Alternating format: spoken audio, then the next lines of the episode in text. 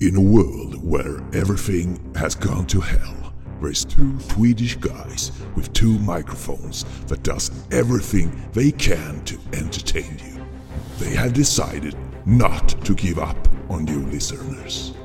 They will continue their jobs to sort out the good from the bad in the world of movies.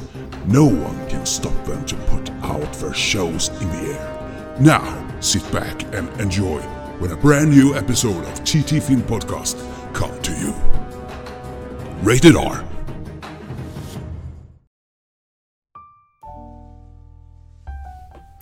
Välkommen till TT Film Podcast. Podden som ska prata om det mesta tänkte jag säga idag, men det blir det ju inte. Vi ska vi prata om den, en högljudd film. Vi ska prata om en eh, nordlig film kan man säga också va? Blir det rätt? Mm. Ja, det blir det va? Det blir rätt. Ja, visst.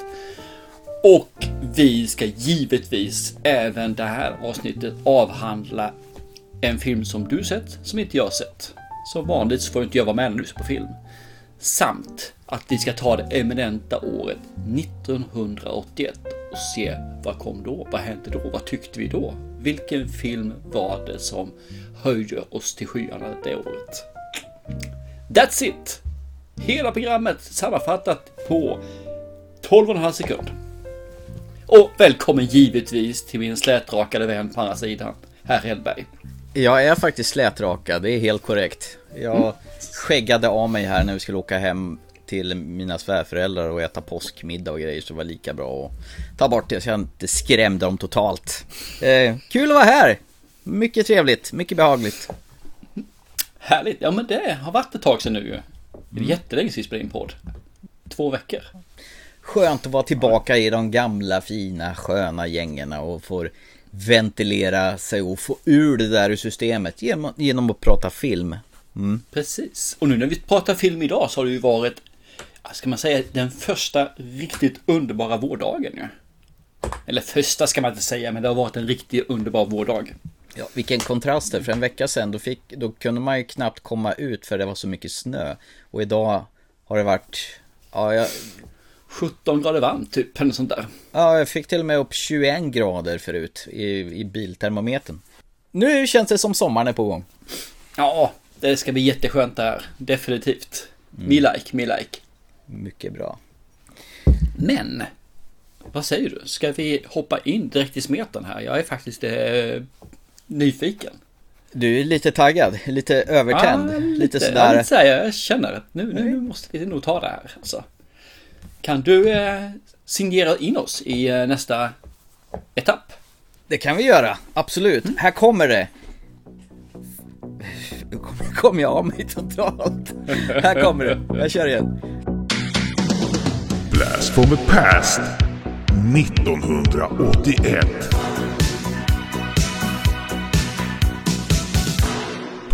3. Just det, nu är vi tillbaka igen med våran lista där ur minnenas allé. Vi började ju förra gången när vi i det här segmentet med 1980 och helt logiskt så blir ju 1981 filmerna som spottades ur det året. Och jag tänkte vi skulle göra lite mer en liten eh, walk about memory lane här. Och bara ta, vad, vad hände egentligen 81 filmmässigt? Och då tänkte jag bara ta lite lätt här som sagt var. Vi har ju Oscar och då har vi bästa film. Eh, Triumfens ögonblick. Är det någonting du kommer ihåg eller känner igen? Är det den här, eh, vad heter det? Och Fire, vad heter den där låten som. Chariots of Fire heter den på engelska. Ch- Vangelius, Shares of Fire, den här.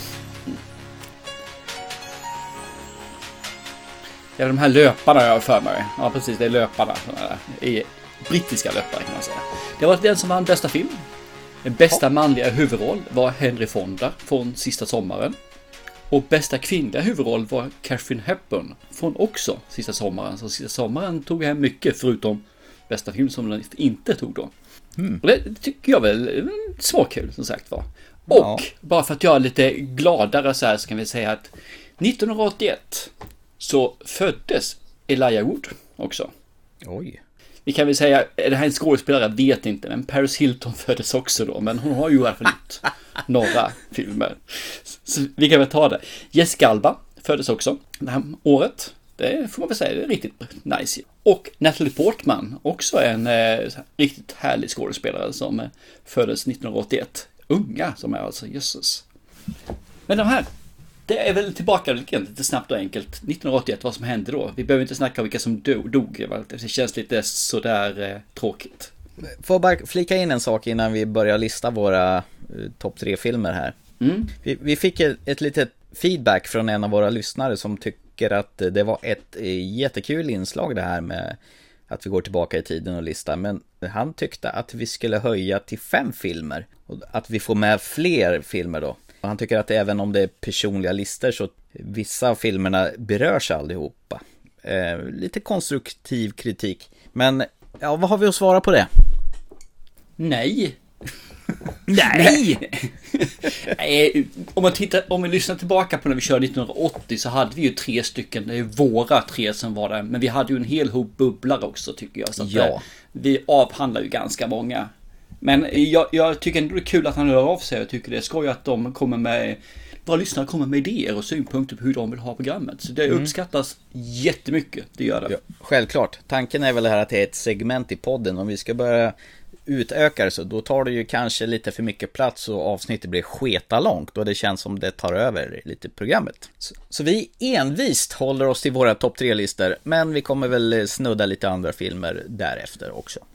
Det kommer det göras, definitivt. Vem vill börja den här gången då? Jag, jag är ödmjuk och säger liksom att jag börjar. Eh, Du är så ödmjuk så så. så. Ja, ja. Eh, Min trea faktiskt i det här fallet är ju en helt fantastisk film här. Och det är eh, en riktig ap- apokalypsfilm kan man säga. Oj. Flykten från New York Ja. ligger min där. Vi har Snake Plissken enögd eh, Kurt Russell. It's not the future we wanted, but the future that happened. Once a great city, now a high security prison, designed to keep society's criminals in. But now everything rides on getting one person out. Kurt Russell stars as Snake Plissken in John Carpenter's science fiction action classic, Escape from New York. You go in, find the president, bring him out in 24 hours, and you're a free man. What if I'm a little late? And no more Snake Plissken. When I get back, I'm gonna kill you. Vi har Lee Van Cleef som egentligen är väl en västern eh, ganska ofta skurk. Men här får han vara en, en skurk alla, ja, riktig bastard får man säga egentligen. Jag tycker om den här filmen just att det är liksom vålds... Brottsligheten har gått upp, allting är gjort. Vi har tagit bort hela Manhattan liksom. Det ska bli en egen fängelse och så får man klara sig själva där. Och de som bor där är ju så jävla töntiga egentligen. Det är ju så mycket överspel och så mycket så här. Men jag får älskar älska den här filmen när jag såg den. Jag tyckte när jag såg den första gången så tyckte jag det här var en tuff kille, Snake Plissken alltså. Och filmen var skithäftig. När jag såg den sen på senare dag så är det ju mer en komedi än vad den är action givetvis. Men jag tycker fortfarande att det är en helt fantastisk film. Me like, this is the shit. Jag- Jag kommer framförallt ihåg en av de här som är i på, vad ska man säga, fel sida om muren där som han skulle in och rädda presidenten Mr Snake Plissken och så skickar de ju fram någon i fronten där som en slags som ska förhandla. Ja, Han har jättestora ögon och gult stubbat hår och när de ska börja prata med honom då gör han bara en ful grimas och säger You touch me, he dies. If you're not in the air in 30 seconds, he dies. If you come back in, he dies.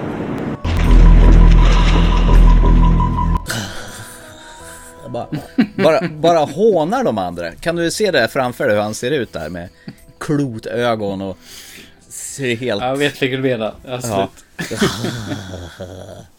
Och så är ju Ernst Borgnine med, alltså Santini från Airwolf är med. Jag blev ju jätteglad när jag såg den då. Jag kan tänka mig det. Ja. Och så har vi The Duke, Isaac Hayes där också ju. Just det, det är han med den här rökiga bilen och så har han typ sån här inuti bilen lyse med såna här, det som var populärt då, lampskärmar och grejer jag har för mig. Ja, precis. Nej, jag, jag tycker om den här filmen. Den är liksom idag en komedi som sagt men då var den ju helt tuff. Ja. Nej, ja, jag, John Carpenter gör en riktigt förbaskat bra film här. Sen gjorde de ju uppföljare på den här som är eh, Flykten för Los Angeles har jag för mig också. Den kommer jag faktiskt inte ihåg så mycket av. Nej, Men, det, enda, eh, det enda jag kommer ihåg av den är att han surfar på någon våg nerför eh, Los Angeles och det ser så jäkla inklippt ut så klockorna stannar. Nej, det här... Det är nostalgi det här nu faktiskt som sagt var. Men när jag såg den första gången där och det var mm, inte 81, men det var inte långt efter där. Så det kan kanske vara 86 jag såg den här. Då var det här ju riktigt, riktigt häftigt. Shoot! Har du en trea du kan ta istället? Ja, det har jag absolut. Eh, och då vaskade jag fram faktiskt en James Bond-film. Jag trodde nästan det. Ja, på min tredje plats då hittar vi, som den heter, Ur dödlig synvinkel. Jättemärkligt med tanke på att några år senare kom en film som heter A View to a Kill. Så den borde ju ha hetat Ur dödlig synvinkel med de här dåliga svenska översättningarna. Det hade ju varit bra va? Vad hette A View to Kill då? Levande måltavla. Det var den jag så var det. Ja. Den här heter ju For Your Eyes Only på original, gör den ju. Och, och jag hävdar, alltså enligt mitt tycke och smak, att det här är den bästa James Bond-filmen överlag. For your eyes only. It's Roger Moore as Ian Fleming's James Bond 007. My name is Bond. James Bond. Mr. Bond, you have shot your last bolt. We're not dead yet. I'm the Countess Lisa von Schloch. Why not come in for a bite? For your eyes only can see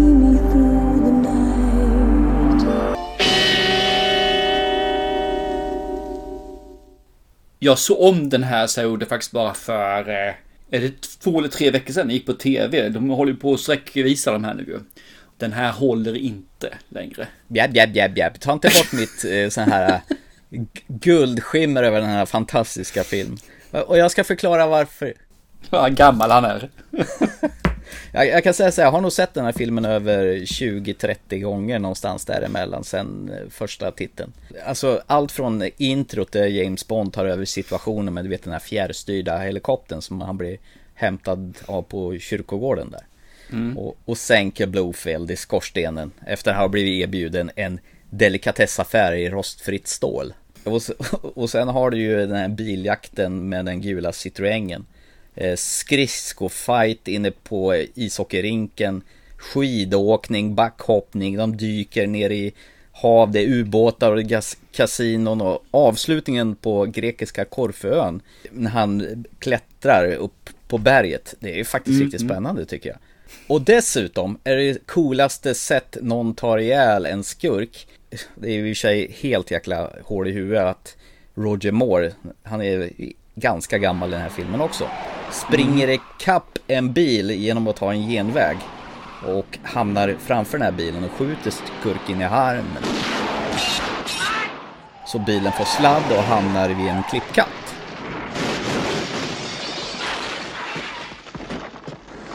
Och bilen är på väg att falla ner.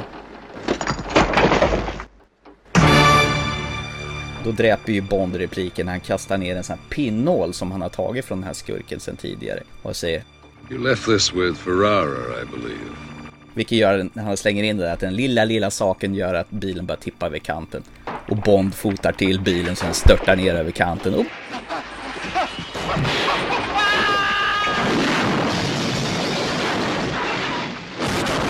Bilen rasar ner med skurken i och han dör. Had no head for heights. Hä? Hä? Roger Moore hade ju sig jätteproblem med det där för han tyckte att det var lite väl ovanligt hänsynslöst. För Roger Moore var ju en snäll farbror. Mhm. Och sen säger han faktiskt nej till en ung tjej, den här skridskoåkerskan som heter Bibi. Och sen är det ju med en astuff Bond-tjej med armborst. Och sen har den faktiskt en av de bästa Bond-låtarna också. For Your Eyes Only med Sheena Easton. Och som dessutom syns i titelvideon eh, där. Jag tror det är första gången och enda gången en Bond-film där artisten syns med i intro-vinjetten. Och jag tycker de gjorde allt rätt med det här. I alla fall vad jag kommer ihåg. Ja, för just den här lilla tjejen som du säger, Bibi, den blir ju lite eh, sådär. Hon är ju ung som attan och klänger med honom och vill liksom, Mm. ja, mm, nej. Han säger ju så här, jag tar på dig kläderna så går vi och handlar glass och sen. Ja, precis. Och det, det, det gör ju det bättre så du gör, men just regissören, att, han, att de var tvungna att ha med en, en omyndig person mer eller mindre som ska vara sexuellt attraherad av en 70-åring. Nej, det är lite äckligt. Lite sådär faktiskt, lite Ja. sådär. Nej, men jag gillar den här filmen. Han till och med spränger sin Lotus åt helvete, den vita han hade. Eller det är en skurk som spränger som försöker göra inbrott i den. Så han får ju en röd Lotus sen och ut och åka i. Den här platsade absolut på min lista. Och den är på plats tre. Jag trodde nästan det, definitivt. Jag hade blivit väldigt besviken på det om du inte hade med haft med den filmen. Ja, din tvåa då? Eh, Min tvåa tänkte jag faktiskt att jag ska bättra mig från förra gången när vi snackade om eh, 80. Att du inte hade med en enda svensk film. Jaha. Så jag ska ha med en svensk film den här gången, bara för att. Det är Göta kanal.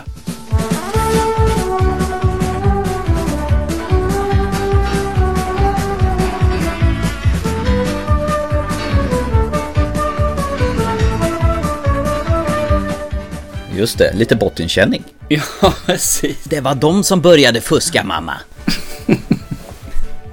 Ja, men det, det är ju det här fantastiska här. nu. Och skit i blå skåpet. Och det finns så många sådana här fantastiska, roliga saker som var kul då. Idag är det bara nostalgi återigen. Så det är, jag är mycket för den här nostalgifilmen verkar det som. Men då var det ju skitkul. Men vi har ju han, vad heter han för någonting? Han med kanoten. Jösses. Svante Grundberg tror jag. Svante, precis. Men det är ju fantastiskt kul bara det. Den fnittrar jag faktiskt till fortfarande när jag ser filmen. Det är roligt faktiskt. Flytta på dig! Din fete turk. Turk, jag är grek. Får de köpa tillbaka sin egen båt. Jag tycker den här var riktigt bra. När man såg den här första gången när man var ung liksom. Det, det här var ju jättekul. Det var ju precis lagom eh, nivå på humorn. Så att man klarade av det här då som en eh, nybliven eh, tonåring kan jag tänka mig att det var när jag såg det här. Så att det, men nej, det är helt fantastiskt. Och man lärde ju sagt att det är ju den faktiska räntan som betyder någonting. Ja just det, det är den faktiska kostnaden som räknas ja. Faktiska kostnaden var det. Det är den faktiska kostnaden som man måste se till. Den faktiska kostnaden. Den faktiska kostnaden. Mm. Men är den större eller mindre, Rut? Mindre, Bertil. Mindre. Mindre.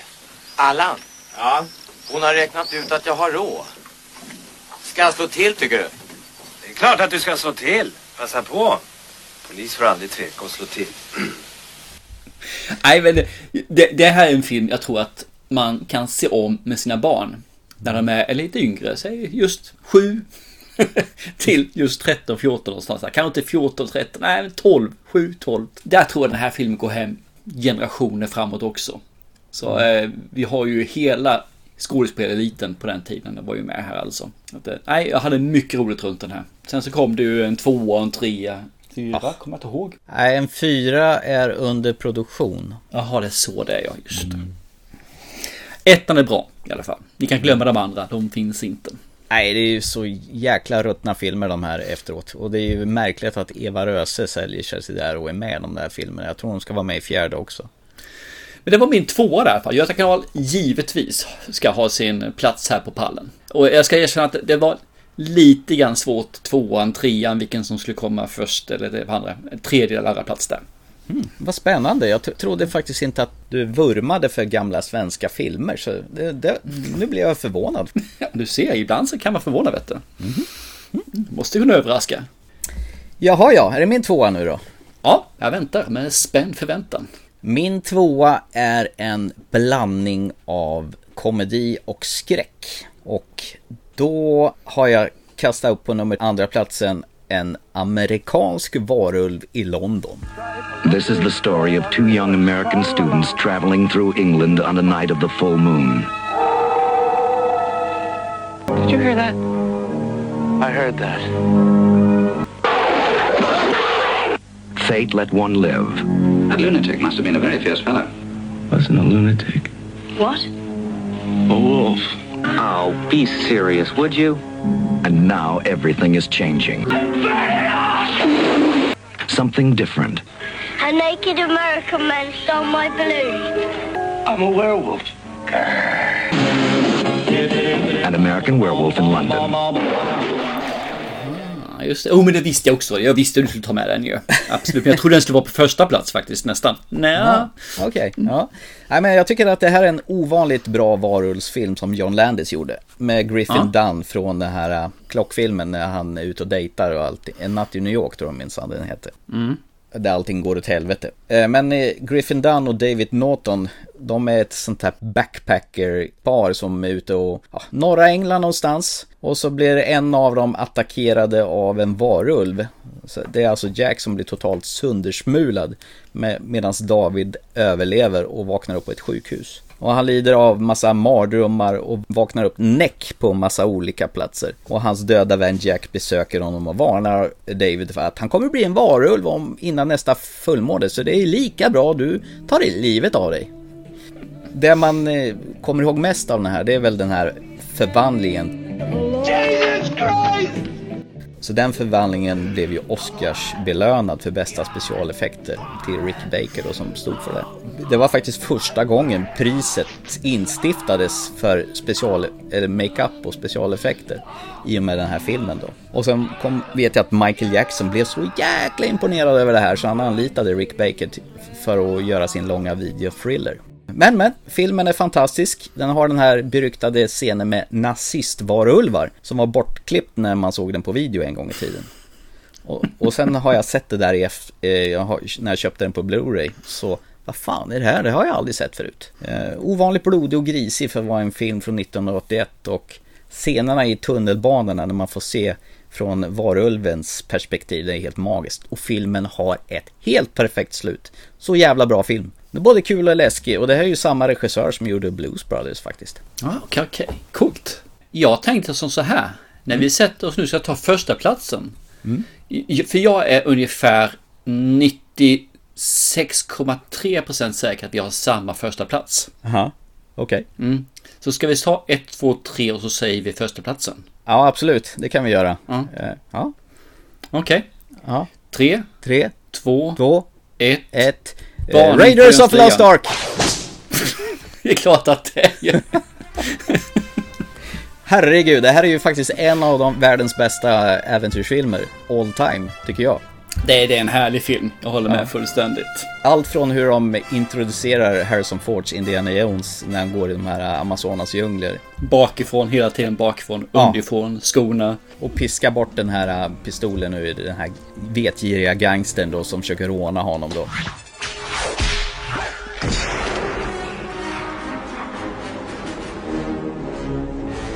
Men det är lite spännande. Där är det ju någon sån här musik i soundtracket som gör så att det här är en elak person. Han eh, tar fan ingen skit. Det var ju inget Mm. Indiana Jones-tema där utan det väl första gången man etablerar karaktären. Då ska man vara nog lite oviss på Det vem han roliga är liksom att när man ser början av den här filmen så tror man att det här ska vara en action, det ska vara en ganska våldsam eh, vuxen film om man säger så. Och sen så kommer man ytterligare 10 minuter till in i filmen och sen så är det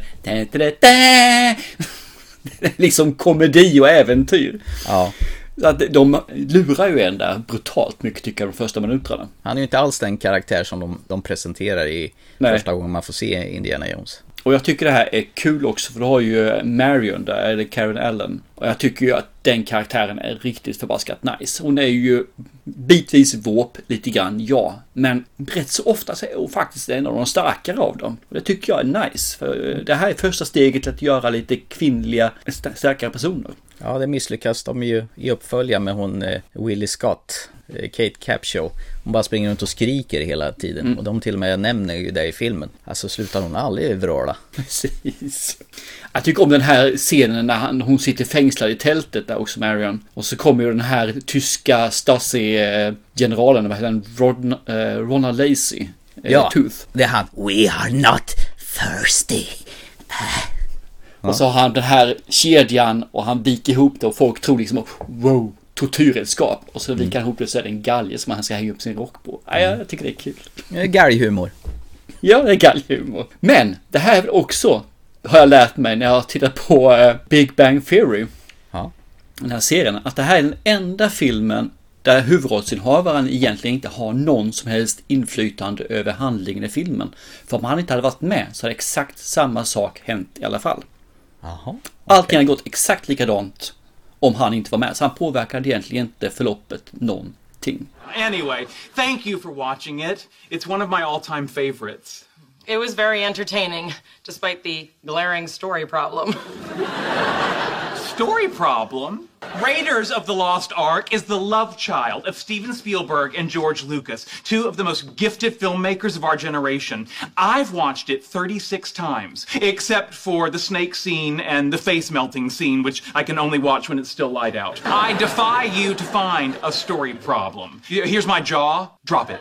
Indiana Jones plays no role in the outcome of the story. Like, if he weren't in the film, it would turn out exactly the same. And if he weren't in the movie, the Nazis would have still found the Ark, taken it to the island, opened it up, and all died, just like they did. Let me close that for you. Wait a minute. No, the Nazis were digging in the wrong place. The only reason they got the Ark was because Indy found it first. Actually, they were only digging in the wrong place because Indy had the medallion. Without him, they would have had the medallion and dug in the right place.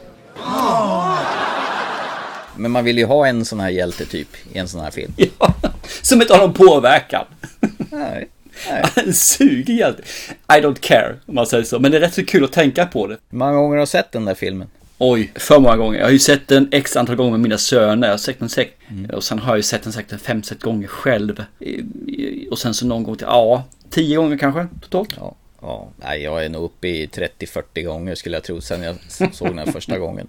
Och det är en sån här film man återkommer till rätt vad det är. Mm. Och, och då brukar vi faktiskt bränna av alla tre. Märk väl, tre filmer. Mm. Ja, då. Nej, men det, det är samma sak här. Vi kan också titta in på den och går den på tv så kan jag helt klart eh, zappa in där och stanna kvar. För jag tycker det är en riktigt nice film. Jag tycker de gjorde allt rätt med den här. Du har den här fällorna, rullande klot, du har ju den här Mm. ner bland massa äckliga ormar och de slagsmål på militär i flygplatsen och de här okulta grejerna och folk som smälter som stearin i slutet när de öppnar det där. Det där vet jag att när man såg den när man var liten, då tyckte man det var lite creepy det där. När folk rinner Ja, av. jag vet det. När jag visade den för mina söner så var ju eh, lillsonen ganska liten och han tyckte det var rätt så creepy där, så då fick vi stänga av där faktiskt. Just nu så är det ju rätt så töntigt. Jag backar förresten på det. Det finns en sak som hade skilt i filmen. Han, just det som du nämnde, den här eh, stenen. Han tar ju faktiskt den här eh, statyetten, guld, guldstatyetten. Och så får ju Belloc den. Hade han inte varit med så hade ju Belloc inte fått den för han hade inte tagit, tagit sig in. Nej, exakt. Där har, vi, där har vi skillnaden. Så introt gör han faktiskt olika i den filmen så att det gör påverkan. Ja, introt är ju som en sån här James Bond-grej, ett sånt här föräventyr innan eh, filmen egentligen börjar. Har han inte med det i alla filmer typ? Jo, det är det ju. Det är en sån här förgrej innan eh, ja, själva huvudäventyret börjar. Var ju något som var väldigt populärt där jag för mig också. Spielberg ville ju regissera en James Bond-film så här blev ju ett substitut istället för. Mm. Nej men det är en fantastisk Ja. film. Det är inte en död sekund i den där. Från att det startar så är det full rulle genom hela filmen. Det är ju egentligen äventyr på äventyr som avlöser det ena efter det andra. Det, det, och den passar, det är en matiné det här. Den passar alla åldrar egentligen om man sitter och ser på den. Bara om man tar den för vad den är. Otippat att vi hade samma va? Nej, det var det inte. Den var jag rätt så säker på. Det, det, det enda jag kunde tänka på, eller säker och säker, jag tror att du hade på första eller andra plats. För jag var osäker på din eh, varulv, var den skulle vara någonstans, första eller andra. Mm. För jag vet att du tycker väldigt mycket om den. Det är en sån där jag återvänder till rätt ofta faktiskt. Har du några bubblare då som inte hamnade på topp tre-listan som du ligger strax under där? Ja, jag hade en som rök ut i, precis i sista momangen där och det är faktiskt Evil Dead. God, den är mums. Ja, jag tycker om den. Det var en sån här film också. Första gången jag såg den så tyckte jag den här var skithemsk. Mm. Då var man ju inte så gammal och det här var ju ganska nytt. Och man såg inte att de hade klistrat in den här månen uppe i hörnet bara för Just det. Eh, Men däremot tyckte jag den var jävligt grisig det här med man följde demonen hur han flög.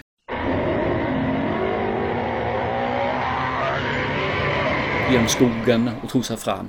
De här som var under i källaren och petade fram när det var liksom eh, i den här luckan. Allt sånt där tyckte jag var så jäkla vidrigt. Cheryl?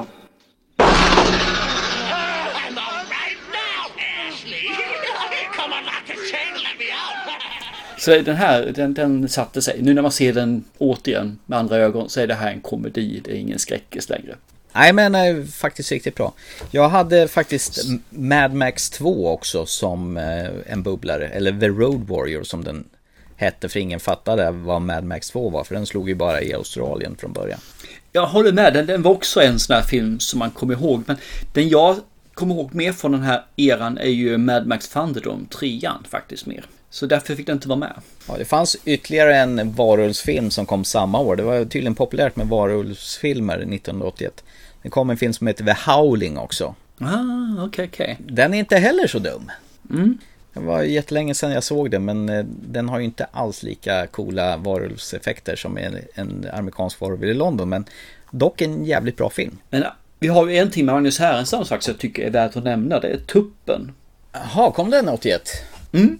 Den tyckte jag faktiskt var ganska bra. Jag såg den på bio. Det var väl det, han är en sån här mm. kontrollant som ligger med varenda kvinna i det tvätteriet. Ja, han är väl chef till och med, var han inte det? Eh, det kanske han är. Det var så länge sedan jag såg ja, den i alla fall. Nu, ja, typ får jag skämmas lite grann också. För säga, för jag vet inte, jag är inte helt hundra. Men jag tycker den, eh, den, den var skön humor i den faktiskt. Lite annorlunda för att vara en herrensam film. Kommer du att tänka på den här Lumparkompisar med Bill Murray? Eller Stripes som den hette på original. Mm. Det var väl också en sån där med mycket sexskämt och sådär. Ja men precis. Den kommer jag knappt ihåg så jag. Alltså det, jag har sett den men jag kommer knappt ihåg den alltså. vad ska man säga? Om man tittar på det så anser jag nog att 80 var för mig ett bättre filmår än 81 faktiskt. Jag fastnar för den. Ger den lite bättre betyg. Okej, okay. jag tycker nog att eh, Raiders of the Lost Ark är väl den som knäckte väl allt motstånd det här året. jag tänkte mer att det var nog mer filmer tycker jag som jag verkligen fångade upp och man eh, fick den här wow-känslan av i 80 än vad det var 81. Det kan jag hålla med om. Det var fler filmer som man gillade och kom ihåg. Bra, kul får jag säga. Det var inte helt otippat att vi skulle ha samma etta. Det, det hade jag nästan kunnat sagt att om vi inte har samma etta då ska jag äta upp min poddmikrofon. Men det slapp jag. Eller det sa jag ju i och för sig inte. Nej, exakt. Och hade du sagt det så hade jag ju tyckt om eh, Evil Dead istället. Förstås. Ska vi lämna den gamla 80-talet för nu och gå vidare i programmet kanske?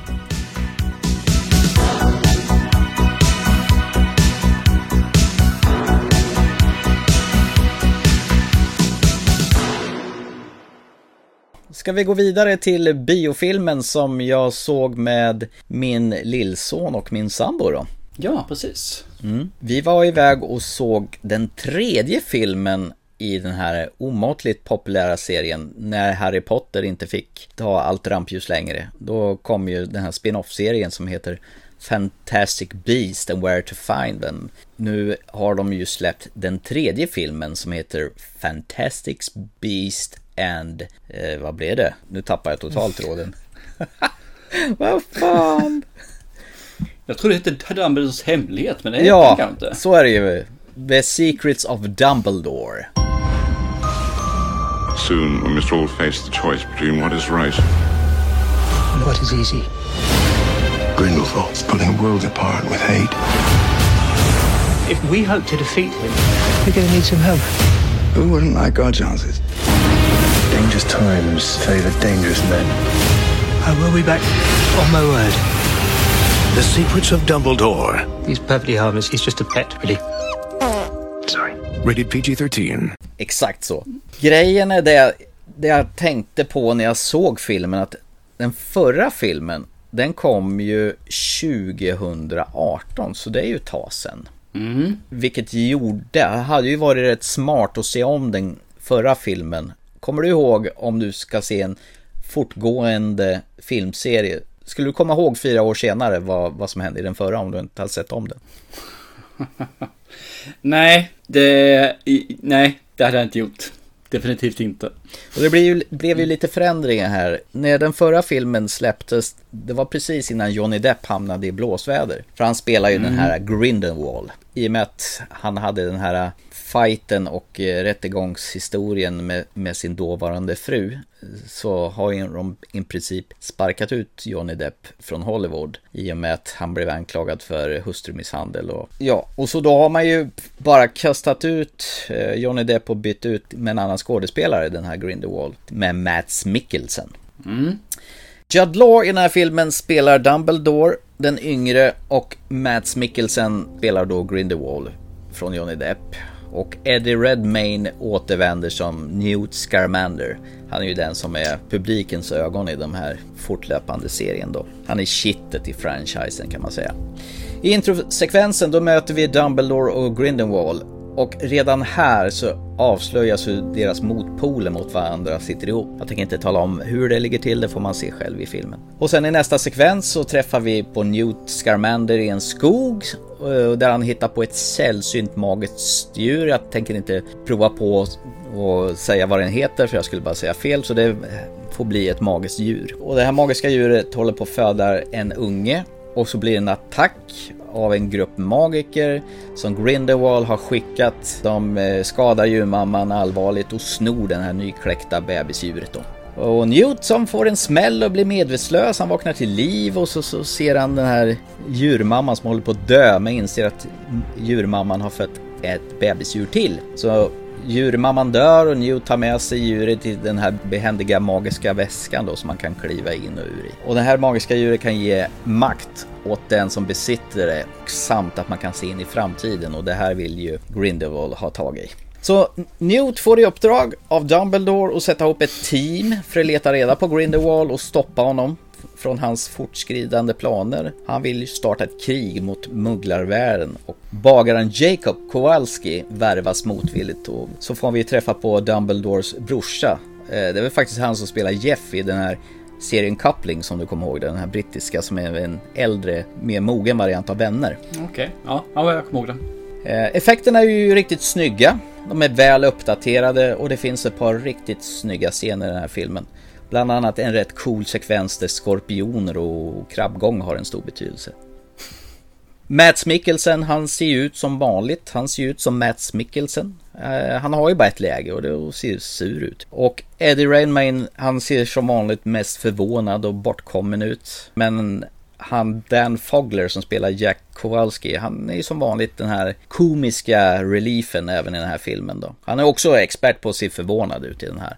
Öppen mun och se glosögd ut. Man får en pliktskyldigt återvända till Hogwarts men det känns mest som att det är fanservice. Bara vi kastar in Hogwarts i en sekvens och man får se lite elever där då, då ska man känna att ja men det här är ju ändå Harry Potter-universumet då. -hmm. J.K. Rowling hon har varit med och skrivit manus och David Yates, det, han verkar som regissör. Det verkar som han får förvalta den hela franchisen här. Han har regisserat alla Harry Potter-filmerna sedan Halvblodsprinsen och, och framåt. Och samt alla de här Fantastic Beast-filmerna. Min son som är på 12 år, han gav den 3,5 av 5. Han sa att det här är, det är nytt men det känns ändå samma. Han gjorde dock Mm. en observation som jag blev faktiskt lite förvånad av. Han är ju ändå bara 12 år. Mats Mikkelsen han spelar i Grindelwald och omger sig av svartklädda män med hattar. Och det var en, lite, en hel del politik som utspelade sig i Berlin så han drog den här nazistkopplingen. Eh, Samt att det fanns okej, motståndare som man tolkade som judiska. Eh, Det är ingenting som Okej. uttalas visuellt men jag, jag vet, jag, jag förstår vad han far efter där. Mm, mm, mm. Det han blev lite sur över det är att Johnny Depp och Mats Mikkelsen, man har inte ens försökt att få honom se lik Johnny Depp. Johnny Depp han hade ju en sån här Billy Idol-frisyr nästan så här, där håret står rakt upp. Medan Mats Mikkelsen har, har sin vanliga Mats-frisyr. Men i och för sig har han en vit slinga i håret som, som ska tala om att jag är minsann Grindelwald. Johnny Depp hade ju dessutom ett vitt öga och det har inte Mats Mikkelsen. Det är kanske en markering mot Johnny Depp att man kan gå vidare utan att hans likna honom ett dugg för bara radera hans medverkan i de tidigare filmerna. Jag tycker det är intressant att man inte gör någon deal av det att han har förändrat utseende för att han inte ska kännas igen eller sådana saker. De kunde inte göra så enkelt liksom. Han har tagit ett nytt utseende på grund av pang. Mm. Klart, så hade det varit fixat ju. Ja. Men det, det intressanta är ju att Johnny Depp Han har liksom ett kontrakt som är Pay or Play, heter det. Okej. Det innebär att han får betalt fast han inte är med. Jaha. Så han får 16 miljoner dollar fast han inte har gjort mer än en scen i hela filmen. Under en scen, spelade in en scen och den är inte med givetvis men det var innan han blev sparkad. Fick han 16 miljoner för, eller 160-150 miljoner vad det blev för någonting. Shitload of money på att inte göra någonting. Precis, menar det är bästa filmen någonsin. Han måste vara den bäst betalda genom tiderna per minut. Man skulle ju kunna ha gjort som, som du sa, för att från första filmen så var det Colin Farrell som spelade Grindelwald. Men han hade ju Mm. tagit någon annans mans i besittning, utseendet. För i slutet på filmen så kommer den riktiga Grindelwald fram och det är Johnny Depp. Då borde man ju lätt kunna ha gjort samma sak till den här tredje filmen då, kan jag ju tycka. Vad tycker jag då? Jag bara berättar vad lillsonen tyckte. Filmen är två timmar och 22 minuter. Jag tycker nog att den var i längsta laget. För att sno Stephen Kings jämförelse eh, som vi pratade om här om i programmet med The Shining så, så är det ju som likadant här att det är som en snygg sportbil fast utan motor. Mm. Det är mest yta men utan känsla. Jag tycker att skådespelet är skitstelt och intetsägande. De puttrar på i sån här lite maklig takt men det hettar aldrig till och det blir aldrig riktigt spännande. Och jag tror nog att det största problemet har tagit alldeles för lång tid mellan den här och den förra filmen. Eh, Det är fyra år sedan, sedan Grindelwalds brott kom ut och hur tusan ska man komma ihåg vad som hände sist? Jag känner att det här kapitlet gjorde varken till eller från och om jag ska vara ärlig så är inte jag speciellt förtjust i de andra tidigare filmerna heller. Så att det är mellanmjölk som man snabbt har glömt och det känns som att bäst före datumet det har passerat och har tagit bort texten på mjölkpaketet, ofta bra efter. Man måste lukta och smaka innan man kastar bort det, i det här fallet titta. Jag tyckte ju första filmen var riktigt bra faktiskt. Det tyckte jag var mysig. Så den, den tycker jag definitivt är värd sina, sin tid. Andra filmen, för mig kändes det lite grann som att det var en transportsträcka. Nu är det ju fem filmer det ska bli. Andra filmer brukar ju vara en transportsträcka och sen så tar det fart i film nummer tre. För oftast är det ju en trilogi. Men nu är det ju fem filmer då ju. Och jag tror ju tyvärr att det blir både två eller tre när transportsträcka. Och sen kommer det ta fart lite grann. Jag tror att det kommer kanske bli lite mörkare i fyran och sen i femman kommer det bli tjallabaloo liksom. Men problemet är ju det att de som såg ettan och tvåan har ju vuxit upp och tycker inte de här filmerna är så vidare spännande längre. Så det, det tar för lång tid emellan. Så ja, jag, jag känner nog att de har gjort ett misstag när de gjort fem, skulle göra fem filmer. Jag tror de skulle kapat ner där. Nummer fyra är ju redan annonserad så den ska de ju strax börja spela in. Men när inte ens lillsonen tycker att det här var så värst. Då kan man ju undra till vem ska den här riktas mot? Vi får se. Eh, De kommer ju bli av. Det är ju fortfarande en stor franchise. Det är ju inte med med det. Det roliga var i introsekvensen så stod det The World of Wizards efter Warner-loggan. Ungefär som att de, ungefär som Marvel eh, har en logga och DC har en egen logga. Så nu blev det The Jaha. World of Wizards. Den har jag faktiskt inte sett tidigare. Och så har de typ allas trollstavar där i en liten sån här solfjäder ovanför texten. Så att det, är väl, Mm. det är väl någonting de kommer köra härifrån nu. För att bygga, man ska veta att det är det här universumet som vi verkar i nu. Ja, coolt. Ja, nej men eh, det här får du väl se själv när det kommer, vad det lider på streaming och så. Men eh, ja, jag tyckte att det var ganska blekt faktiskt. Jag tycker det är synd att man gör de här filmerna så vansinnigt långa. Två och en halv timme är ju... De flesta filmer på två och en halv timme är för långa. Det här är liksom en barnfilm ska vara. Två och en halv timme barnfilm är inte bra. Alltså kapa bort åtminstone 45 minuter på den. För det kändes lite så här att jag började skruva mig i salongen och titta på klockan och tänkte, är inte det här slut snart? Då, då har de ju misslyckats kapitalt. Å andra sidan, tre och en halv betyg från din son, det är ju inget skitbetyg. Det är ett helt okej betyg. Men han brukar ju tycka det mesta är jubel, jubel, men det här var lite tveksamt. Ändå. Ja, men även han blir ju lite bättre och har ju sett mer och har mer relaterat till så att man du får nog ta det som ett bra betyg faktiskt tror jag. Jag tycker att din son överlag när, ni, när du pratat om att han har blivit lite mer finsmakare. Han är mer selektiv i sina betyg än han har varit tidigare. Han, är, han har ändå blivit några år gammal nu. Och det är kul när, man, när han reagerar på sådana grejer som man själv inte har tänkt på. Och kastar över på en. Man, hmm, du tänker så ja. Intressant. Ja, jättekul. Skoj! This memory is everything. Would this be one of your regular haunts? I don't have any regular haunts. Down below. Let me see it. Sometimes I imagine I still feel it around my neck. How does it feel around yours? Grindelwald. What you're doing is madness. Our war with the Muggles begins today! Do you really intend to turn your back on your own kind? I'll burn down their world. And there's nothing you can do to stop me. Ska vi lämna det här och eh, gå vidare helt enkelt i programmet? Ska vi ta den högljudda filmen då? Eh, den högljudda filmen? Mm. Menar du?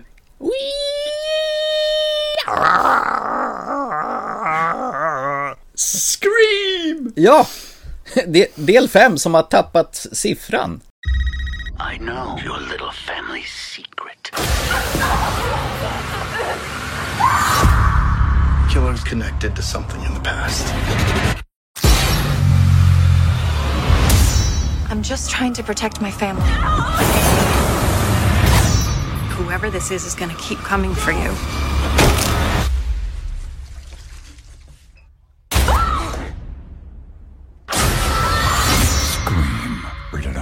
Det här är ju märkligt. Om jag, om jag ska tolka det rätt så är det ju för att det här ska vara en...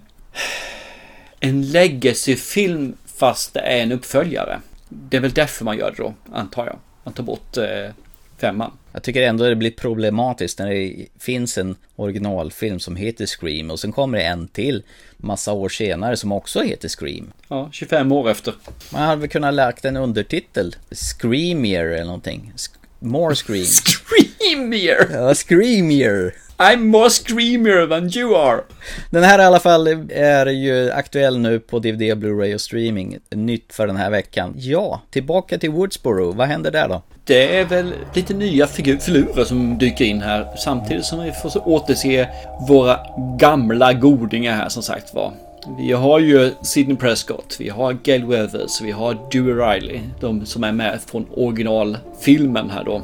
Och det spelas ju en del på att de är med från originalet som sagt var. Och sen har vi några nya. Då, då har vi ju eh, Sam Carpenter, eller Melissa Barrera och Jack Quaid, Richie Church. Och så har vi Amber Freeman då också. Eller Mickey Madison som hon egentligen heter. Det är väl Ja. också så kommer det en hel massa till då, ett gäng då. Men det är väl de det handlar mest om. Ja, du har ju Tara Carpenter, hon som eh, gör Drew Barrymores initiala roll. Ja, det har du rätt i. Det har du rätt i. Min syskon där. Så- Ja, han är tillbaka igen. Masken, myten, legenden. Eller är han ensam? Eller är han två? Vad brukar han vara i de här filmerna? Ja, han brukar väl vara två va? Japp, det är väl det som är Scream. Och i den här filmen så är det väl lite grann att, ja, jag, jag vet inte.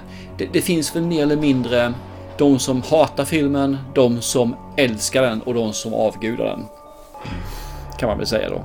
I filmen alltså. För det är ju det som är saken. Filmen har blivit en film om en film som gör en film. Lite försök till meta, antar jag det här. Att, eh, Lite sådär som Matrix gjorde med Resurrection ja, fast ändå inte samma sak i det här fallet. Man kom- kommenterar ju till och med i filmen det här när man ska gå igenom reglerna för en skräckfilm att det här är ju en legacy quell. Så här eh, ska man göra. Man tar tillbaka de gamla skådespelarna och man eh, tar in nya. Det känns som att vi tar tillbaka ettan, för där gjorde ju samma sak egentligen, fast då gick de igenom hur man överlever och hur man dör. Säg aldrig I'll be right back, ha, ha aldrig sex, ta inte droger för då dör du. Mm. Här säger de ju samma sak, fast nu är det nya regler istället då, för det är då som du säger en legacy. Och då gäller de här reglerna istället. Så man gör om ettan fast man gör det, ja, något försök att göra något nytt kan jag tänka mig, fast ändå baserat på samma koncept. Det känns ändå lite tryggt där att man har tillbaka de här eh, grundkittet från första filmerna med Dewey, eh, Sydney och Gail Weathers. Problemet är att jag har ju aldrig någonsin tyckt om Dewey. David Arquette. När han var i första filmen var han bara en tönt och nu har han då blivit gammal. Men han är så jävla tråkig skådespelare. Ja, det är han. Han är skittråkig. Det var ju där, däremot kul att se Jenna Ortega. Såg ju henne nyss i den här filmen X som vi såg här förra programmet. Hon var ju den som Mm. höll, höll i den här ljudbommen och ville vara med i, i filmen. Här är hon ju Tara Carpenter och det är lite roligt vilka namn de har fått. Undrar om det är någon hyllning till John Carpenter, att de heter Carpenter i efternamn. Sen har ju han eh, Wes Hicks. Det är säkert Wes från Wes Craven skulle jag tro. Så de, de tar ju sådana här namn för att pinpointa till Ja. Och hyllas Så kan det mycket väl vara, ja. Precis. Det har jag inte tänkt på, men absolut. Du, du har nog faktiskt rätt att de har tänkt till lite grann sådär. Ja. Såg du förresten eh, han som spelar Richie Kirch, eh, Jack Quaid? Han är ju löjligt lik sin farsa. Vad heter han? Inte Randy Quaid utan Dennis Quaid. Ja, kanske, kanske det. Jag har inte tänkt. Jag har inte Det är faktiskt. alltså Dennis Quaids och Meg Ryans son. Mhm, okej. Jag satt och funderade på, fan, vem är han lik någonstans? Var tvungen att gå in. Ja, han var son till Dennis Quaid och eh, Meg Ryan. Som du säger, de försöker göra en... Eh, jag tror de försöker hitta tillbaka till lite Mm. grann. För nu ska jag... Jag tror jag har sett ettan, tvåan, jag har nog sett trean också när jag tänker efter. Men ettan var ju riktigt bra när den kom. Den var Ja. ju ruggigt bra när den kom faktiskt. Ja, den golvade en Men ju. de andra höll ju inte riktigt måttet alltså känner jag. Det blev lite same same. Så vad tycker du den här då? Är den eh, nyskapande eller går den in i samma hjulspår som de övriga eller? Vi säger så här då. Den är ju jätteproppad med referenser till andra skräckfilmer. De, de pratar ju om Freddy Krueger, de pratar ju om Jason Voorhees och det är sjukt mycket så här meta-anspelningar de gör i de här filmerna. Effekten av slafset, det är ju inget fel på. Men det blir ändå ganska repetitivt tycker jag. Men den gick ju tydligen jävligt bra den här filmen så att den sjätte filmen ska de faktiskt börja spela in i sommar. Mhm. Det kom ju en fjärde film här. Så det var det sista Wes Craven gjorde innan han dog. Men i den här filmen Mm. så hånar man ju den filmen ganska öppet. Medan The Last One was crappy. De syftar ju på den här Stab, som den här fiktiva filmen som eh, Scream-filmerna ska bygga. Stab 8. Ja, att det här är någon slags metaquel. Det var ju ett nytt ord som jag lärde mig som jag inte har hört förut. Det finns ju sådana här sequel, det finns ju legacy quel, prequels och nu finns det även ett ord för när filmerna är meta. Då heter det metaquel. Nej, på riktigt. Jag tycker att jag blir trött och tycker det har vevats ett varv för mycket. Den gör ju bara det Star Wars Force Awaken gjorde, Jurassic World. Att man blandar gamla nya skådisar med, med nytt och hyllar det. Och försöka göra någon slags ny tid-variant och samtidigt skruva upp volymen med de här metakommentarerna. Mm. Jag tycker man, man, man fattar att man försöker göra tidsandan med dagens mobiltelefoner och dagens teknik som man inte gjorde när första screen kom. Men fan, eh, jag tycker att det här kunde jag vara utan. Jag tycker att de har koppling till originalfilmerna. Nej, jag, jag tycker det är dåligt. Det här var ingenting för mig. Jag, jag är lite tvehågsen i vad jag säger också. För jag tycker också det här liksom det är för mycket blinkningar det är för mycket same same. Samtidigt så tycker jag om slafset alltså. För det är riktigt eh, nice. Ja, den är lite råare än vad det brukar vara va? Ja, och sen så tyckte ja det, det, ja, det vet jag ju inte egentligen om man säger så. Jag tyckte den var rätt rå när han fick en kniv i ögat på biografen och så här med. Mm. Sen så tycker jag de slarvar bort lite grann vem mördaren är. Om man säger hur de ska bete sig. Mm. Det känns lite, lite, jag vet inte, de gör lite fel där tycker jag. Och sen så är det att de försöker göra de här eh, legacy-skådespelarna då ju. Det vill säga Sidney Prescott, Gail Weathers och Dewey Riley då ju. Att de ska ju veta, ja men det här gjorts förut, vi vet hur det här fungerar. Och ändå beter de sig jävligt blont i vissa fall alltså. Korkat ja. Ja, jävligt korkat ibland. Och ibland så är de då ju skitcoola. För det är det som är problemet med den här filmen för mig. Att ibland är det korkat och ibland är det bara töntigt. Och ibland så är det faktiskt riktigt, riktigt nice. Menar, Vissa kommentarer och hur de beter sig. För de har ju ändå tuffat till sig lite grann här ju tjejerna.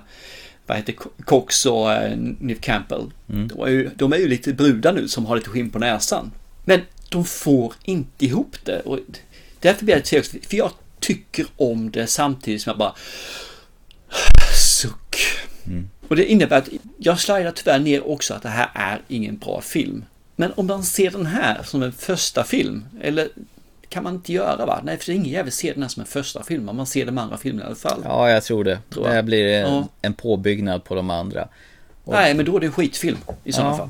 Det känns ju bara som att de gör om samma sak om och om igen. Men det kunde blivit bra om de hade hållit nivån.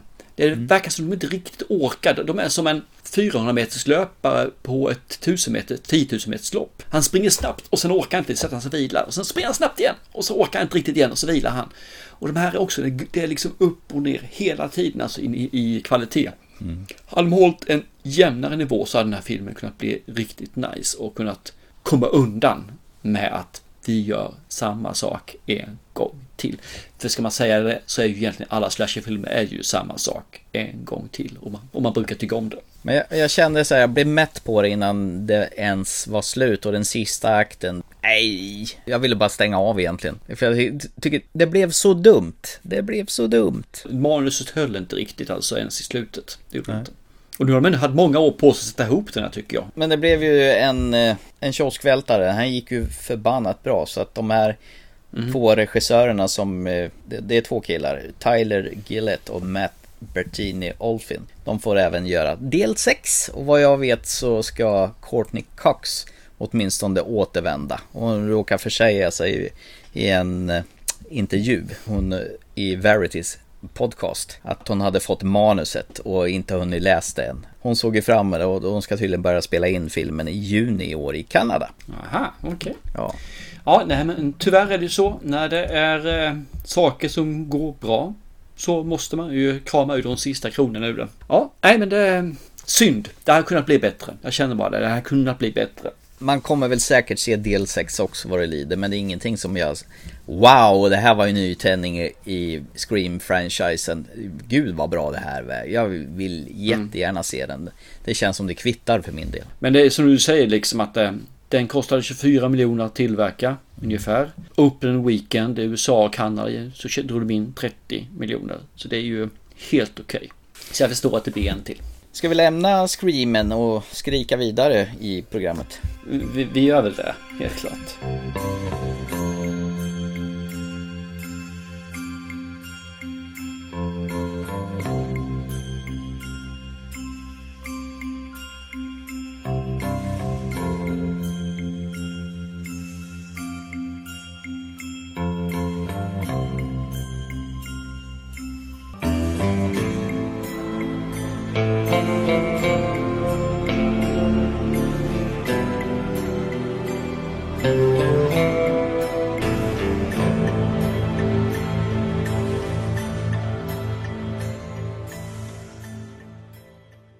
Nästa film så skriker de ju ganska högljutt. Speciellt Alexander Skarsgård. Den eh, kyliga filmen, nordliga filmen. The Northman av våran Yes. favoritregissör Robert Eggers. Behold.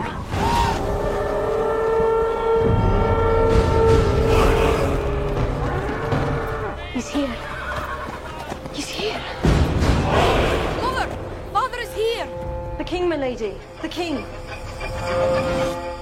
Your fate is set and you cannot escape it. How I've missed you, my son. One day this kingdom will be yours. Thank you, father. My king.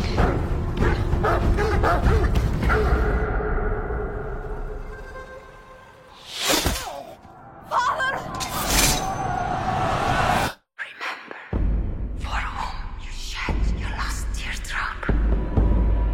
I can feel now. I will avenge you, father! I will save you, mother! I will kill you, Fiona! I will avenge you, father. I will save you, mother. I will kill you, Fiona.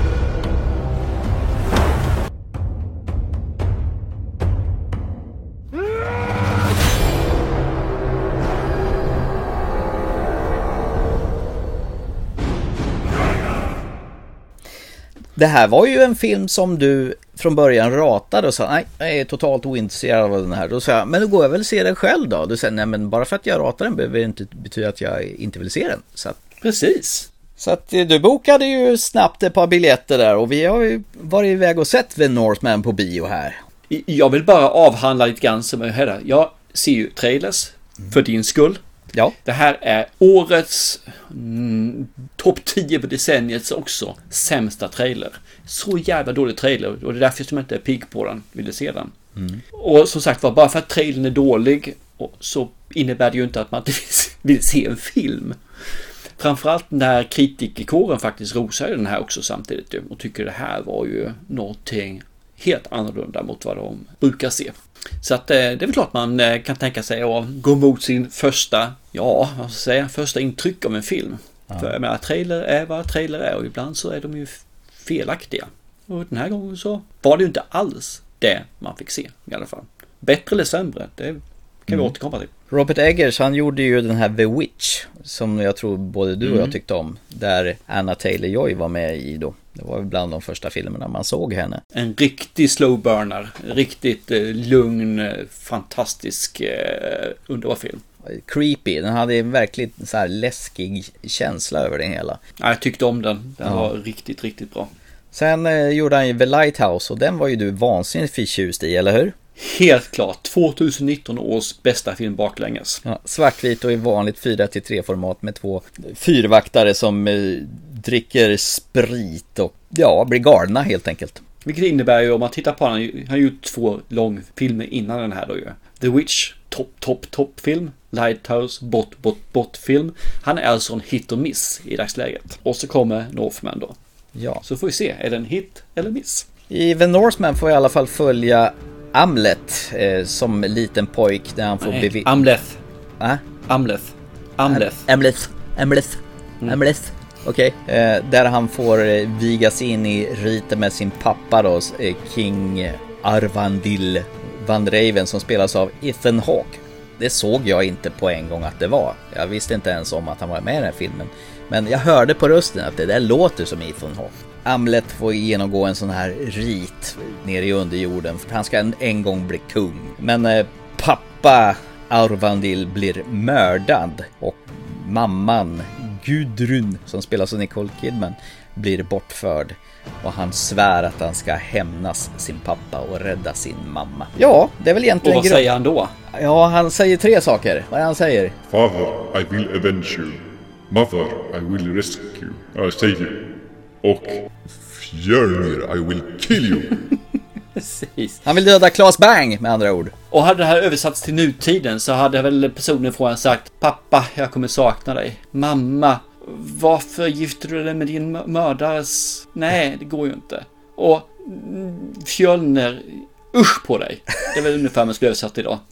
Ja, och man får se hur den unge Amlet far ut i en roddbåt ut i mitt ingenstans. Och sen är det massa år senare när han har vuxit upp och härjar med vikingarövarband och är jätterippad och helt plötsligt eh, ser man Alexander Skarsgård. Jättestor och jättestark. Som tjuren Ferdinand ungefär. Alltså inte lika snäll. Nej. Han, eller så har han alltid en humla i arslet, det kan ju vara det med. Och sen får vi Anna Taylor-Joy i filmen också som spelar Olga, en sån här träl i en, en liten by som är såld som slav. Och ett gäng andra sådana också. Och mitt i alltihopa kommer Amlet och ska leta på sin fars mördare. Och hämnden ska ju som bekant serveras kall.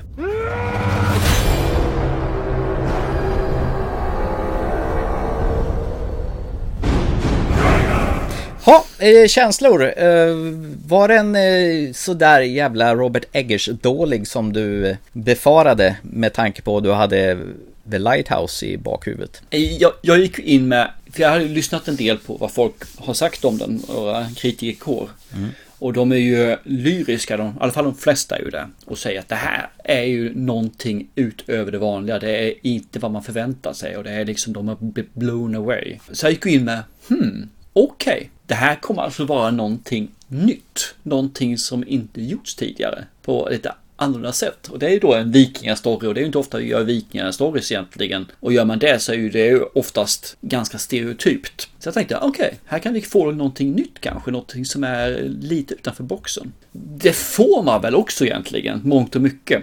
I början tycker jag den är, det, det jag tyckte var när man ser början av filmen att den är ganska autentisk. Hur eh, de är klädda, hur de beter sig vet jag inte, men klä, kläds, klädseln i alla fall och även byggnaderna känns ganska autentiska. Förutom att det kanske känns som att det är mer ett fort där han bor än vad de kanske normalt sett har. Eh, vikingar var ju mer eller mindre bondefolk som eh, åkte ut för att skaffa sig lite extra pengar, om man säger så, för att klara av, ja, livet. Och sen kommer vi när då Skarsgård Andef har vuxit upp och han är den här basärken då ju.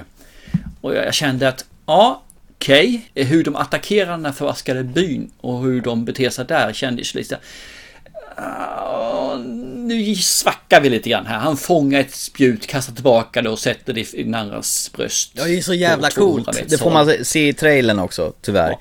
Samtidigt så har de palissader och klättrar upp för den jävla väggen med en yxa och de som står där uppe kan inte hugga ner dem. Och det tar ju 15-20 sekunder för han att ta sig upp. Mm.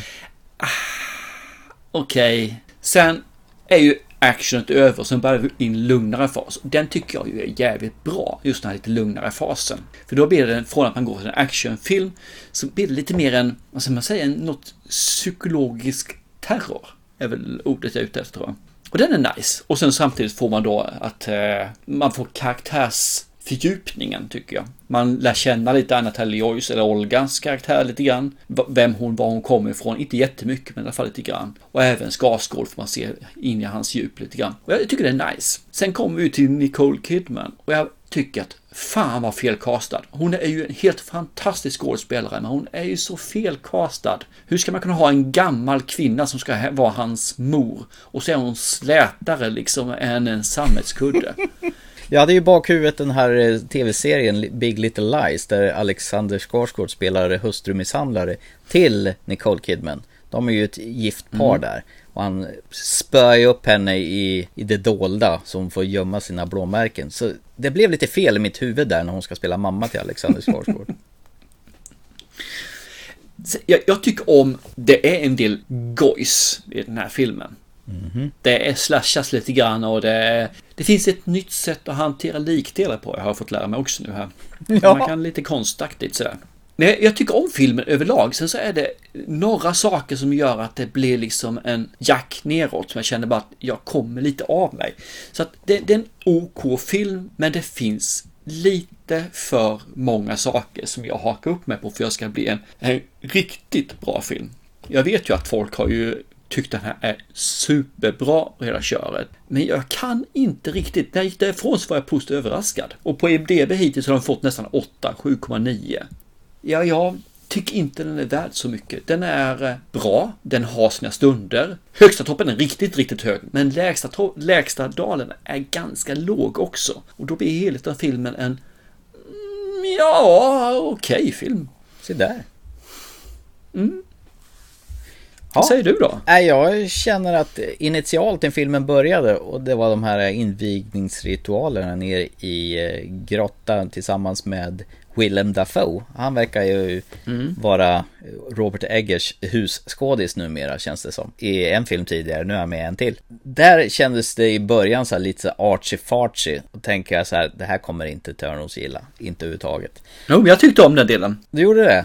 Ja. Sen filmen har ju väldigt slow pace. Den är ju inte action från början till sista bildrutan utan den är ju ganska lugn och det är rätt mycket flum. Jag älskar musiken i den här filmen. Det är ju verkligen sån här vikingamusik som man hör på de här äh, riddarveckor när de har såna här gycklar och grejer och spelar i såna här instrument så det låter, det låter som det är långt tillbaka i tiden. Jag, jag tycker att hela härligheten, det var jag satt och mös faktiskt. Soundtracket är väldigt väl komponerat i filmen. Jag älskar de här twisterna som blir framöver i, i filmen.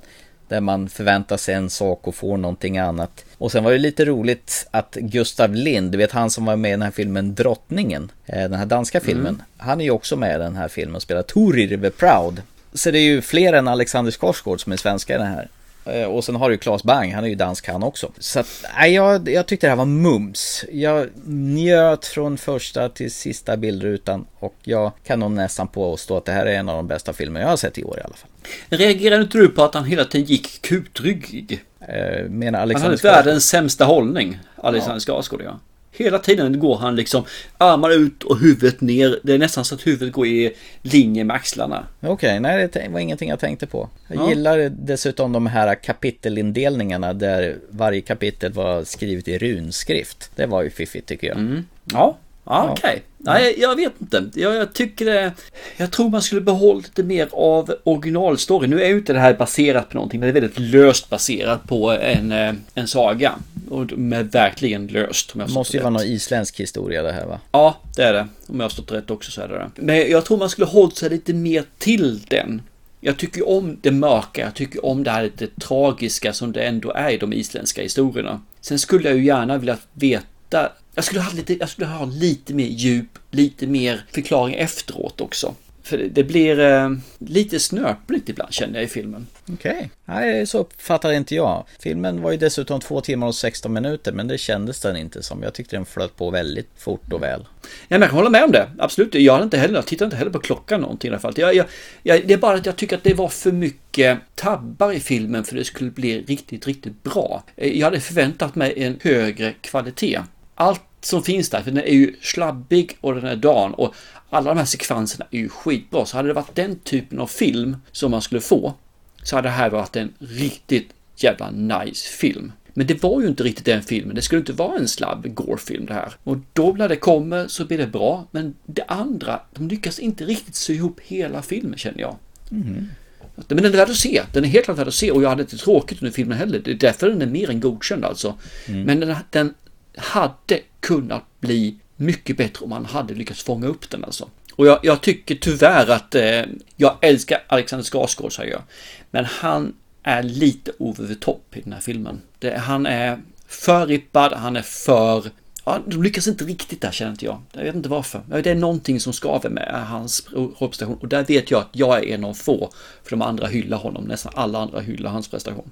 Ja, han är ju en bäst i den här. Han är ju arg. Han är jättearg i den här filmen. Och han går ju fram som en jävla ångvält. Och det, det gillar man Mm. ju. Hämnare loss-filmer är ju det bästa som finns ju. Och sen kan jag inte låta bli, alltså Anna Taylor-Joy. Hon är en joy att se på i den här filmen. Nej men hon är riktigt bra. Jag tycker om henne som skådespelare också. Hon, är, hon gör riktigt bra ifrån sig här alltså. Mums. Ja, och så får man se isländska Björk i en liten eh, sekvens också. I en liten biroll. Ja, men ja, det är jättebra. Jag vill bara ta en sak. Är man lite nörd när det kommer till vikingar och asa-historien så finns det ju en hel del referenser man kan få här också. Vi, vi har ju en Valkyrie som är med här och på hennes hjälm finns det en svan till exempel. Och det är ju sagt för att valkyrierna kunde visst förvandla sig själva till, till svanar. Så, så det är ju en sak. Och sen finns det ju en tåkat huvud. Så det finns också någonstans i eh, filmen här ju. Det är, tror jag i alla fall, en eh, liten notch-notch mot Odin och hans, eh, vad ska jag säga, läromästare Mimer tror han heter. Som blev dödad, men Mimer blev halshuggen som sagt var. Men Oden använde någon magi så han eh, gjorde huvudet levande så han fortfarande kunde ha, använda honom och ta råd från honom då. Och sen finns det en massa andra också, jag ska inte ta och rada upp fler, men det, så är man har ögonen och är intresserad av vikingar och asatron då, så finns det mycket att hämta också. De är ju duktiga på det, definitivt. Jag tycker ändå det är kul av Robert Eggers. Han verkar ju utforska olika typer av film. I första var ju en ren skräckfilm där med The Witch och i andra filmen är det ju om två fyrvaktare som blir knäppa av ensamheten vid fyren. Och här är en helt annan vikingasaga. Så han hoppar ju vilt och brett bland genrerna när han gör sina filmer. Så frågan är vad det blir nästa gång. Jag har bara gjort tre stycken så det är kanske inte svårt att hoppa mellan genrerna på det viset. Men jag, jag håller med. Det är tre filmer som verkligen särskiljer sig. Och så får man eh, reda på hur brännbollen uppfanns i den här filmen. Eller kan det vara cricket eller kan det vara amerikansk fotboll eller? Ja, eller bandy. Ja, det, eller boxning. Jag vet Ja. vilket. Li- lite brutalare kanske än vad vi är vana med i dagens mått mätt, men ja ja. Men du, vi hoppar tillbaka och tar det vi har haft tidigare och plocka in. Vem ska se den här filmen och vem ska inte se den? Mm. Den här kan vara lite klurig. Är man eh, för rastlös och inte kan vänta på det goa som ska sättas igång, då tror jag nog man ska hoppa det här. Vi hade faktiskt ett par i salongen som gick halvvägs genom filmen. Jag tänkte, hur fan kan man göra det när man har betalat 160 spänn för en biljett och bara resa på sig och gå? När filmen inte ens halvvägs igenom. Eller som de andra personerna som sitter, jag hade någon tjej som satt och fibblade med sin mobiltelefon ganska frekvent. Och även det här äldre paret som satt raden framför. Är det för att, att de tappar fokus på filmen för att det inte händer någonting hela tiden? Eller är det så här man gör numera? Att man inte kan fokusera på en enda sak när man går på bio? Hon raden framför la i alla fall undan sin telefon när jag knackade på axeln och bad eh, lite snällt. Nej, jag vet inte. Alltså, det här kan ju vara en film som inte är för alla. Eh, om man går in i tron att det här är en råbarkad action från första till sista bildrutan. För det är det ju inte, utan det är samtidigt är det ju ett tidsdokument, ett drama som har lite olika toner där. Ja, en van filmätare ska nog se den här. De här som vill ha någonting lättsmält de bör nog hoppa över den här tror jag. Fast jag håller inte med dig lite grann där. Jag håller inte med dig helt och hållet med jag. Eh, när det gäller att den är långsam i början innan den tar fart. För det gör den definitivt inte. Jag tycker den tar fart rätt så bra. Den har saker som fångar den med en gång med deras ceremonier där i början. Mm. Det är ganska snart som man får följa Skarsgård som vuxen. Han eh, invaderar den här byn. Och efter det sen så är ju filmen igång.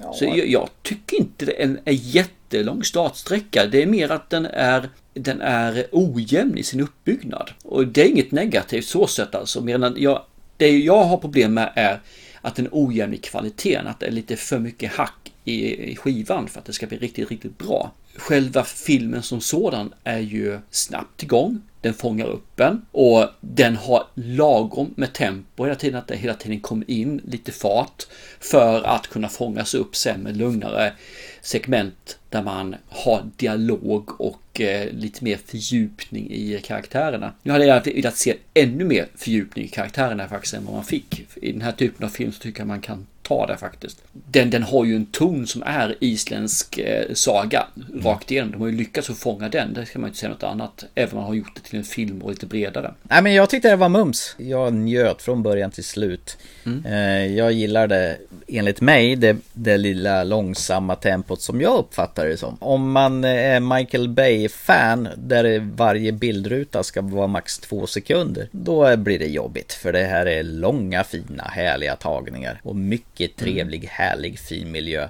Det badas i göklar, det är långa slätter, det är helt underbart. Undrar om de var på Island och spelade in det här. Nej, det var de inte. Nej. De var på, de var på Irland. Det, det, är, det får man säga något. Fotot i den här filmen är ju helt makalöst. Mm. Den är ju skitvacker filmen alltså. Så det är bara den eh, anledningen ska man kunna se den. Mitt problem som jag tror just med att få den här att passa gemene man eller passa den breda spektrat av publik är just att de blandar långsamt drama. Eh, det händer inte jättemycket utan diskuteras en del och sen så kommer det här slabbet. När det är mycket, det är blodigt, det skvätter, det är alltså inälvor som far ut. Och sen går man tillbaka till det här, nu har vi en dialog igen och jag ska hämnas. Man pratar liksom eh, det här pappa jag ska hämna dig, mamma jag ska rädda dig, Fjölner jag ska döda dig. Pappa är mamma, pappa, mamma, Fjölner, pappa, mamma. och de som tycker om slabb kommer nog bli lite trötta på pratet. Och de som vill ha dramat, de kommer bli förfärade över slabbet. Och det är ytterst få som tycker om båda två tror jag. Och framförallt så är man inte beredd då så kan man även bli ganska konfunderad när man ser filmen, även om man tycker om båda två sakerna. Nu missar du säkert, men vi hade ju ett äldre par som satt framför som du sa, men när de kom ut från biografen så var den äldre herren där, han var ju topptunner för den här filmen att den var så jävla dålig. Han var så irriterad som, ja, som jag var liksom när man såg Lighthouse kan jag tänka mig. Han tyckte liksom att det här är två olika filmer. Det är det jag är ute efter lite grann. Två olika filmer. Då en som är dramat och då en som är slabb. Han ville ju klart separera de filmerna och göra en av varje istället. Så han kunde få antagligen dramat, kan jag tänka mig. Och det är det som jag tror är problemet med den här filmen. Vem tycker om båda sakerna? Det gör många, men inte så många. Jag? Ja, precis. Men du är inte många, du är bara en. Eh, ja, jag? ja. Jag tycker också om det och jag tycker om filmen. Det är vad det är, helt enkelt. Det är vad det är. Ja, jag tror i alla fall att den här kommer för min del vara uppe och kriga över de bästa filmerna 2022. Mm. Jag tror inte jag har sett någon eh, av filmerna än som kommer att placera sig på toppfilmerna faktiskt. Vad gött! Men det är det här det handlar om. Att vi ska tycka olika. Det finns ju ingenting Ja, tråkigare när vi är överens om filmerna. Blä, säger jag för det. Men, jag tyckte om Anna Taylor-Joy, men den bästa tycker jag av alla karaktärerna är ändå Valkyrian. Hon var grym, grym bra i hennes utseende. Jag tyckte hon var hemsk. Iskalla ögon, metalltänder och eh, så bara så jävla brutalt. Henne hade jag gärna blivit bortförd av när jag dör en gång i tiden. Ja just det, du har en fing för så lite udda kvinnor. Helst ska, helst ska de ha svans också va? Eh, gärna, och blå. alltså inte Avatar. Nej, jag känner väl eh, rätt nöjd med eh, filmen och eh, ja, jag har inte så mycket mer att säga om The Northman, mer att gå och se den. Det här blir en riktig åktur. Ja, det här är definitivt en biofilm, så den här vill ni se den, se den medan den går på bio. Det kan jag säga. Vill ni inte se den, jag menar, skippa det då. Men eh, ska ni, ska ni se den så se den på bio. Ja, känner vi oss klara? Nej, vi har en sak kvar faktiskt. Jaha, vad är det? Du ska häckla mig för att vi inte har eh, tagit med mina utmaningar då. Ja, just det. Du skulle ju se The Princess Bride. Ja, det har jag helt, hade jag nästan glömt bort. Det betyder att du får uppskov till nästa program. Hur fan? Mm. Ja, det, det blev ju så. Det vi var tvungna att knöka in The Norseman i programmet. Scream och fantastiska vidunder och vårat eh, härliga segment om 1981. Så att det fick liksom inte riktigt plats. Nej, den gjorde ju inte det. Nej. Och jag kan bara säga en sak och det är att du är skitdålig på att häckla. Har du märkt det? Du är för snäll. dålig du är. Boo, vad dålig du är. Har du inte sett den för? Boo. Nu då? Bättre. Ja, ja. Det här är sista gången vi gör så här. Komma här och säga bara eh, eh, jag vill inte se den för du ska ju ha en massa annat. Okej? Okej då, säger jag då. Sista gången då. Sista gången, sista gången. Ja, men det, det är bra. Nu, nu var det bättre. Nu känner man så lite så här, lite isboll i, i magen. Kände jag att det var riktigt så där att det knöp till det. Så ikväll har vi pratat om fantastiska vidunder, Dumbledores hemligheter. Ja, jag vet inte om det var så mycket till hemligheter, men i alla fall. Vi har pratat om eh, Skriket som återvände till 2022 och gjorde samma sak en gång till. Och vi har tittat på The Northman med Alexander Skarsgård och Anna Taylor-Joy. Och där verkar vi inte riktigt vara ense om filmens förträfflighet eller icke vara. Eh, och vi har pratat om filmerna 1981, filmer som vi har sett tidigare och listat. Ja, då är det bara en sak att göra då, då antar jag. Det är väl att eh, avsluta podden. Ja, och ni andra, se en bra film så hörs vi säkert om ett par veckor igen. Det hoppas jag definitivt. Så till dess, chip chip. Hej då!